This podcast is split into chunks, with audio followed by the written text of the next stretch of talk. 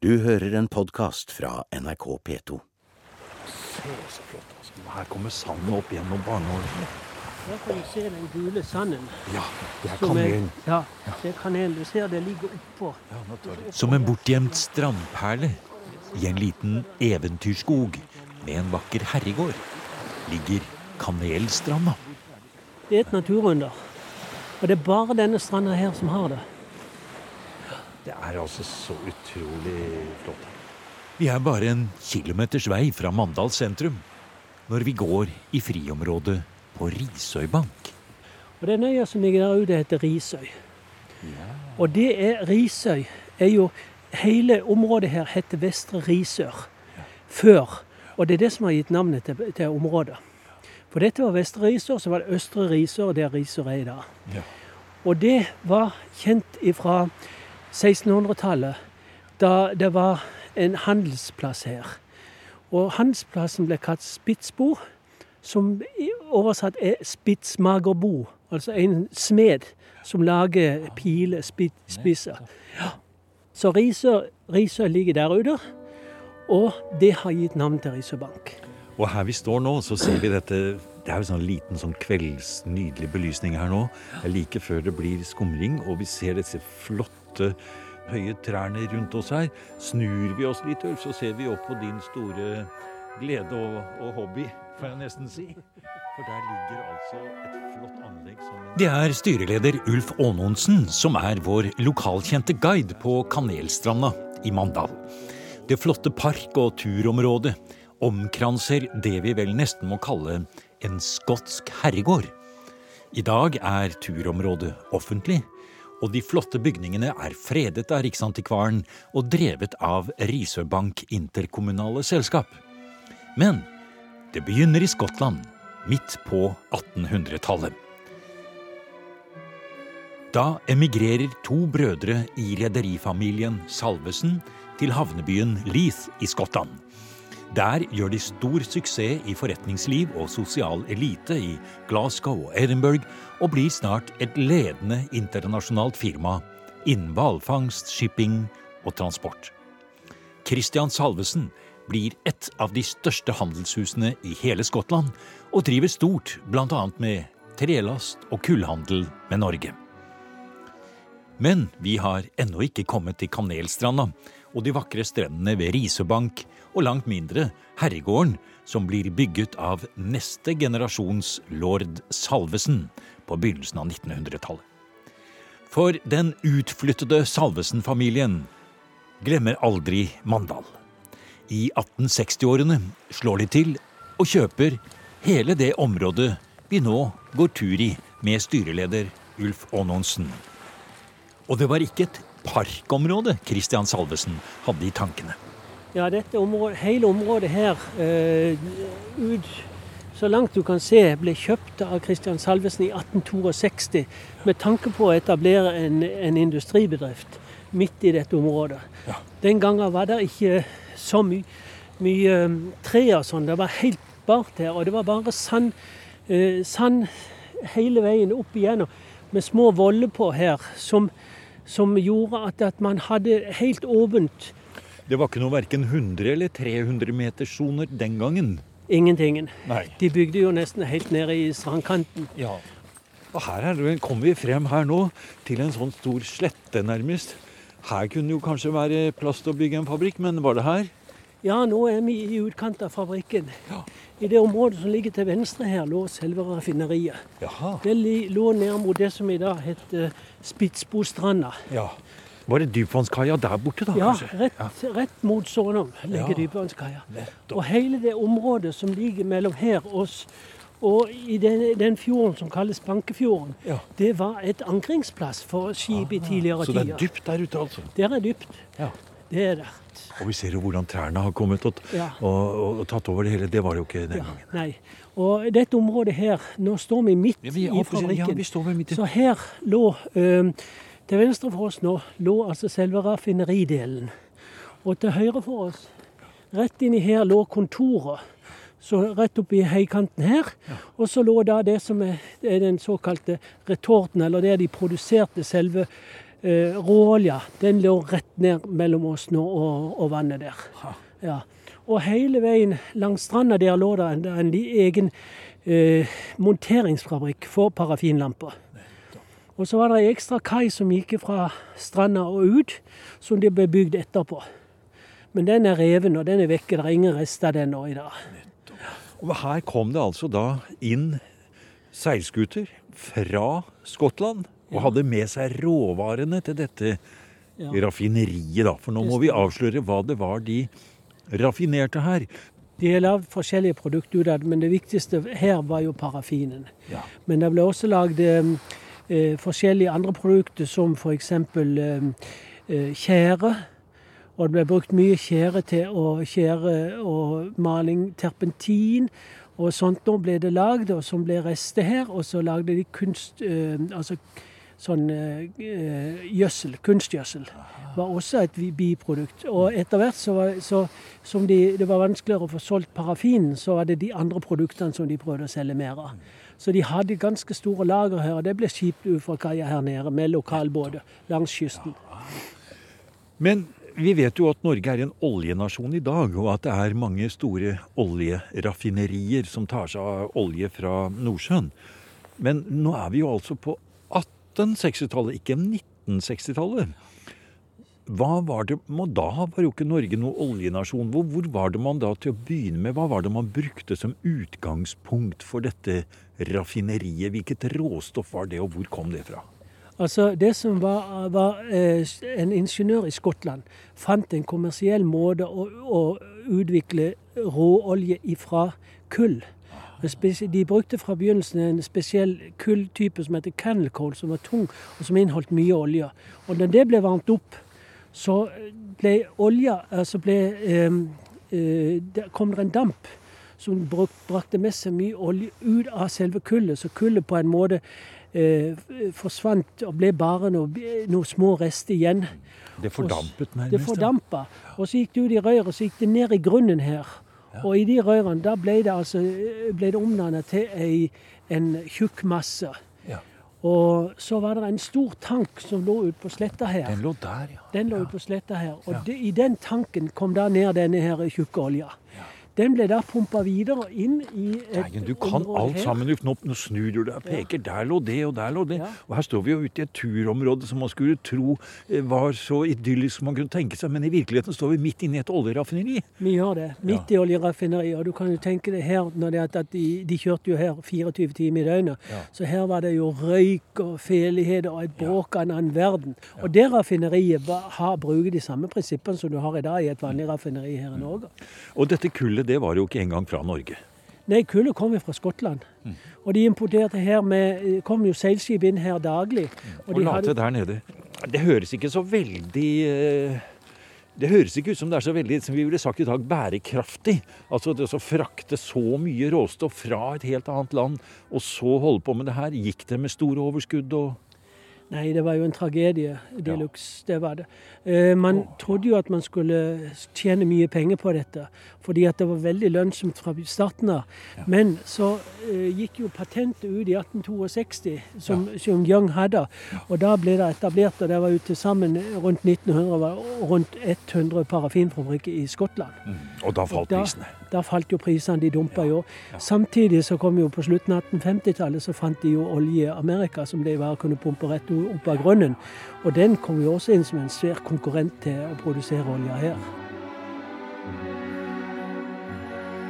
I museum i dag går vi på tur i det vakre parkområdet ved Risø bank like utenfor Mandal. Her ble, merkelig nok, Norges aller første oljeraffineri bygd i 1860-årene av to brødre fra Mandal som hadde gjort det stort i Skottland i handel og kommers. Vi kunne vel nesten si at dette var midt i rovdyrkapitalismens tidsalder. Den første fase av industrialiseringen i Norge. Og det ble ikke tatt så mange hensyn til utslipp, arbeidsforhold og for den saks skyld patentrettigheter. Det var skotske Thomas Young som hadde patentert måten å vri olje ut av kanelkull, slik at det bare ble et rødt kanelaktig pulver igjen. Og kanskje er det grunnen til at det den dag i dag ligger et fint lag med noe som ser ut som rødbrun sand på Kanelstranda. Men uansett, Thomas Young hadde patentet og drev stort i akkurat det området av Skottland hvor Salvesen-brødrene bodde. Omtrent halvveis mellom Edinburgh og Glasgow. Der er det store forekomster av Cannel Coal, og lokalhistoriker og formann i IKS Risøbank, Ulf Aanonsen, har en god forklaring på hvorfor fabrikken ble lagt her, på en strand i Mandal, og ikke midt i kulldistriktet i Skottland, hvor alt råstoffet var. Fordi at disse to brødrene som sto bak dette, eh, og som var hoveddriftskarene, det var jo Theodor og Christian Salvesen. Theodor og Christian Salvesen var født i Mandal og hadde flytta til Skottland og drev virksomheten da fra Skottland. Eh, og de, Det var jo de som oppdaget patentene, og de så jo da til sin hjemby hvor det var mulighet. Dette var det nærmeste stedet du kunne komme til Skottland ifra eh, her i Norge. Mm, for, for i Skottland kunne de ikke bruke den patenten, for da måtte de ha betalt store avgifter? Ja, da, Young hadde jo, han kjempa jo med nebb og klør mot alle som prøvde å, å, å, produsere både i Skottland og i England og, og i Tyskland osv. der han hadde tatt ut patentet. Så det, at, det hadde han ikke gjort i Norge. Han hadde glemt Norge. Han glemte Norge, men han hadde ikke tenkt på at, at noen kunne være så gal å legge noe her. Nei, Og de fikk jo betale for det også, bokstavelig talt, for det gikk jo ikke så godt. Det gikk dårlig for dem. Og det var vel ett eller to år de hadde overskudd her, mens de drev på i ti år. Mm. Nå lurer jeg på om vi skal rusle opp i det flotte herskapshuset som også hører med her. For, for det, det, er også en av attraksjonene her. Ja, og da skal vi ta oss og gå veien her. Ja, fordi at eh, Da ja. kan vi gå opp, og så kan vi ja. eh, Skal vi ikke ned på, på Jo, brygga? kanskje vi skal gå ned om brygga, ja. ja. Det er ingenting igjen av raffineriet. De veiene vi går på, er lagd av de brukte murstein, for de importerte jo hundretusenvis av murstein fra Skottland til å bygge raffinerier. Ja. Og de steinene som ikke de fikk solgt, mm -hmm. de er brukt til å lage veier i området her. Jaha. Så veiene er relativt solide. Ja. det.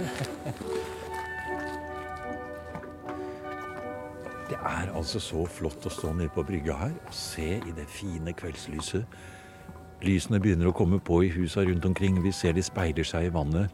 Den store, lange sandstranda. Der borte er det noen mennesker som går tur. Det er jo hyggelig. Og her er det en fin, opplagt kaifront med naturstein. Stupebrett er det vel egentlig blitt her nå, på den gamle dypvannskaia til raffineriet? Eller det, ja, dette, ja, ja. Dette, ja, og her er det jo folk å bade hele sommeren. Mm. Det, det, som er den svarte sida, er bak de steinene der. Mm. Der har det vært så mye sånn utglidning av parafin eller mm. av tjære. Så tidligere på den stranda der var jo farlig å gå på, fordi at dette var jo tjære. Hele stranda var full av tjæreklumper. Men ble, på 90-tallet så ble de rensa. Ja. Så, og tatt vekk, og nå er det lagt det under her ligger det en duk som, som skjermer mot parafin som ligger nede i grunnen under vannet. For vi snakker jo om tungindustri her. Vi snakker om industri som i, i dag ville blitt arrestert av politiet for uh, miljøkriminalitet. Det er helt klart, Man visste jo ikke i den tida hva det var for når man var mer opptatt av å få arbeidsplasser og holde folk i arbeid og kanskje tjene noen få kroner på dette her, enn det også tenke på miljøet den gangen. Nå rusler vi opp til uh, hovedhuset. Så skal vi se hva vi finner der.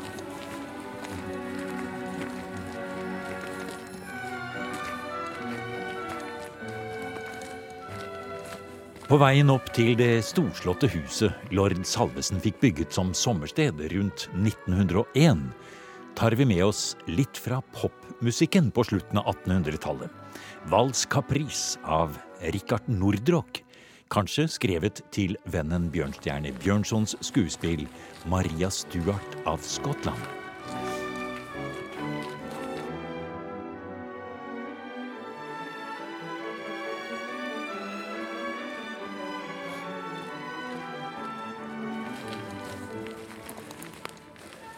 Hvis du ser nå ned til venstre her, så ligger der de to første husene. Ja.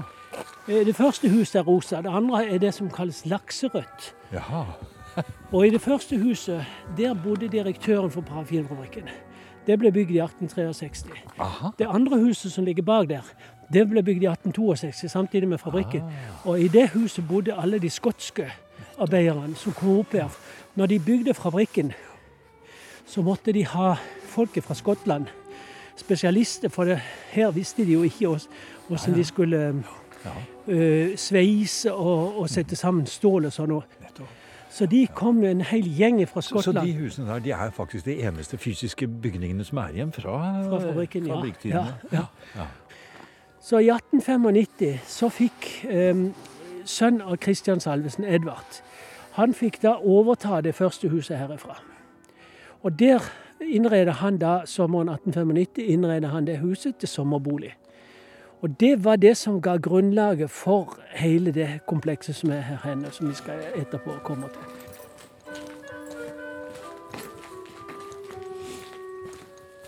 Vi går litt ut på gressplenen foran eh, hovedhuset nå.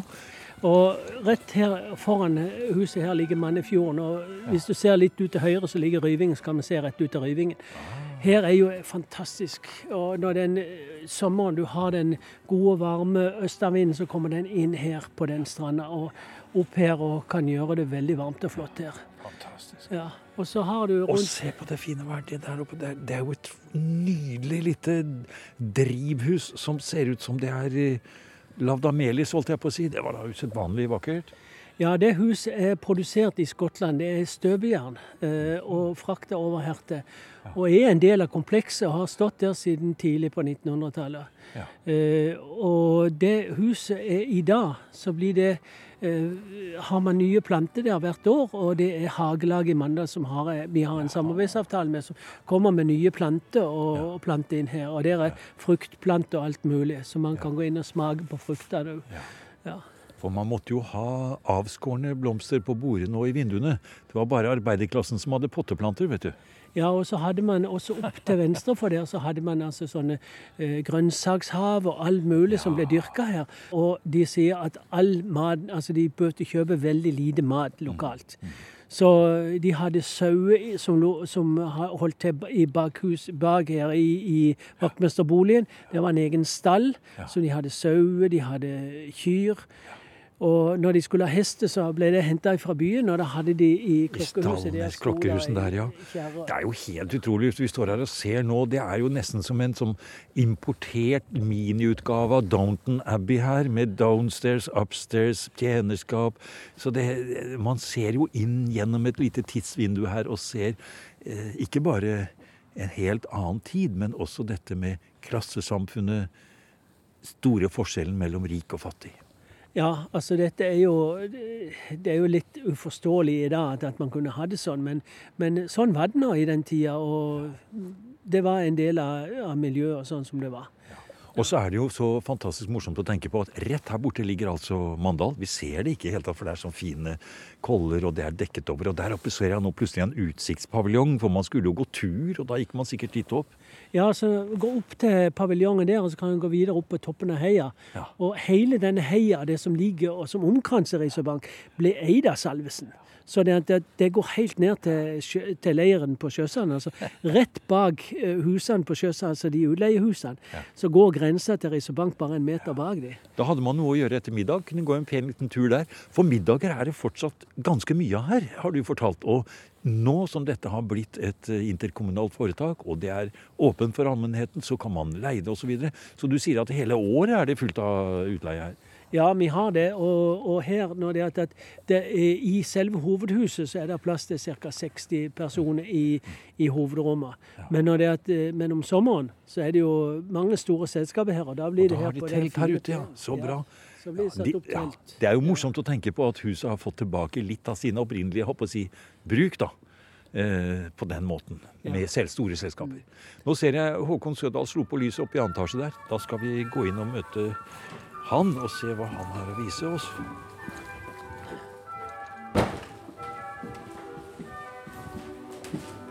La oss gå inn i hovedstua. Hvor likt er det her, eller ulikt er det her, fra den tiden da Salvesen-familien eh, bodde her? Her har vi prøvd å reprodusere og gjenskape det som var. Mm. Eh, blant annet så har eh, vi reprodusert tapetene. Ah. Etter originaler. Ja. Takene, der er det strietapet. Og panelserie. Og der inne er det et lite sånn kassettak.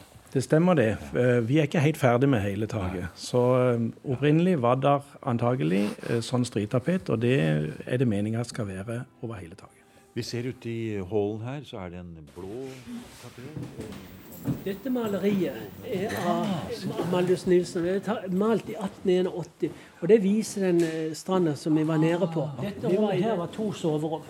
Det har de fjerna veggen. I første etasje ligger stuene på rekke og rad, med bibliotek, festsal og selvfølgelig snukerrom.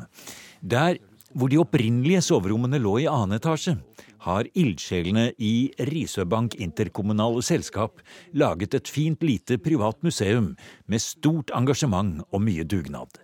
Styreleder Ulf Aanonsen har selv reist til Skottland flere ganger og har funnet private offentlige arkiver med tilknytning til Salvesen-familien og Risøbank. På veggene henger det mange avfotograferte bilder som viser hvordan livet var i dette huset for mer enn 100 år siden. I det lille museet er også historien om det moderne transportfirmaet Christian Salvesen, som hadde trailere over hele Europa, helt til for noen få år siden, da det ble kjøpt opp av et enda større internasjonalt konsern. På det meste hadde firmaet Christian Salvesen 13 000 ansatte. Men vi er på 1800-tallet, i annen etasje på Risebank i Mandal, og ser parafinlamper. Mange parafinlamper. For i tillegg til oljeraffineriet, så produserte man også egne lamper i Salvesens fabrikk. Dette er prøvebok som ble, faktisk ble utgitt i 1864-65, ja. og som viser alle de lampene du kunne bestille. Og da ble altså komponent, De fleste komponenter ble kjøpt i Skottland eller England. Og, og, og, brakt til Norge og satt sammen på parafinfabrikken her. Selve sokkelen, ja. fundamentet, det ble støpt i Mandal. Mm. Og det er det som gjør den spesielt, at du kan se at det er en mandalslampe. Og hvis ja. folk vil sjekke om de har en lampe fra Mandal, så kan de snu. Og ah. være forsiktig med selvfølgelig med, med alt glasset, men se under. For der står det tre tegn. POC. Hvis det står i sokkelen på, på lampa, så er hun fra Mandal. Men det er også på Parafin Olje Company. Ja. Og det, på justeringsskruen på, eh, på, brenneren På noen av lampene så står det Mandal Parafin Olje Company. Salvesen-familien var store i skipsfart på 1800-tallet, og da fabrikken sluttet å bruke kull til raffineringen, fikk de bygget Norges aller første oljetanker med dobbel bunn i 1868. Den skulle frakte olje til raffineriet på Risøbank. Og Her er jo da det vesentlige som, som, man har lurt på i så mange år, som står i sertifikatet her. Og det er den setninga her. Um, uh, this vessel is fitted with a double bottom, 5.3 inches from the top of the keel and 63 feet in length in midships so as to form a large tank mm -hmm. of carrying oil in bulk. Ja. Det er Norges første tankskip, og det er også Norges første jernskip. Og det, det, som er spesielt med det, er jo at dette skipet, i motsetning til de andre tankskipene som er bygd, så er dette bygd både for å føre oljebulk og vanlig last. Så dette er det de i dag kaller en obo-carrier. Og det er den første i verden. Det vet vi ikke noen andre. For det enten var de bygd rent som tankskip eller lasteskip. Det er ganske utrolig altså at vi har i oljenasjonen Norge så viser det seg at den første oljetankskipet og det første raffineriet det lå på Risebank ved Mandal. Ja, det er riktig, det. Det er riktig, det. Ja. Det er en ting jeg lurer på sånn når vi har gått rundt og sett på denne store eiendommen og også forstått det store arbeidet som dere legger ned. Eh, å si, eh, Hvorfor gjør dere det?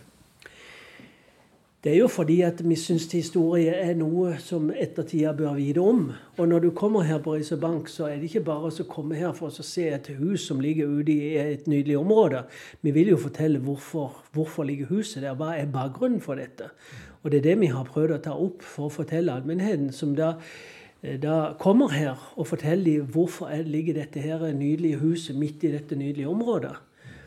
Og det er vår oppgave, og en del av, av formålsparagrafen for vårt selskap, som er det interkommunale selskapet, det er at vi også, i tillegg til å vedlikeholde og holde bygningene her, så skal vi også drive historieformidling.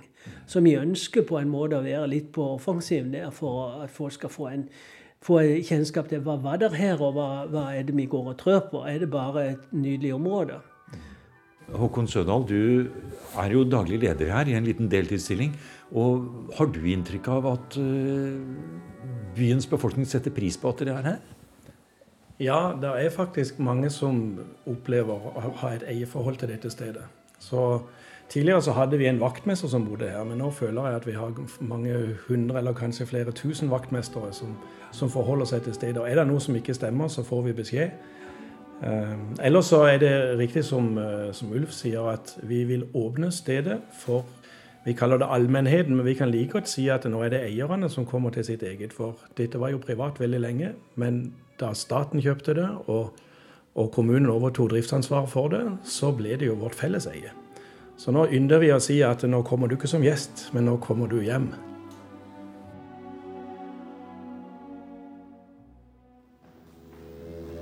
Du har nå hørt en podkast av programmet Museum fra NRK P2. Og send gjerne en e-post til museum.krøllalfa.nrk.no. nrk.no.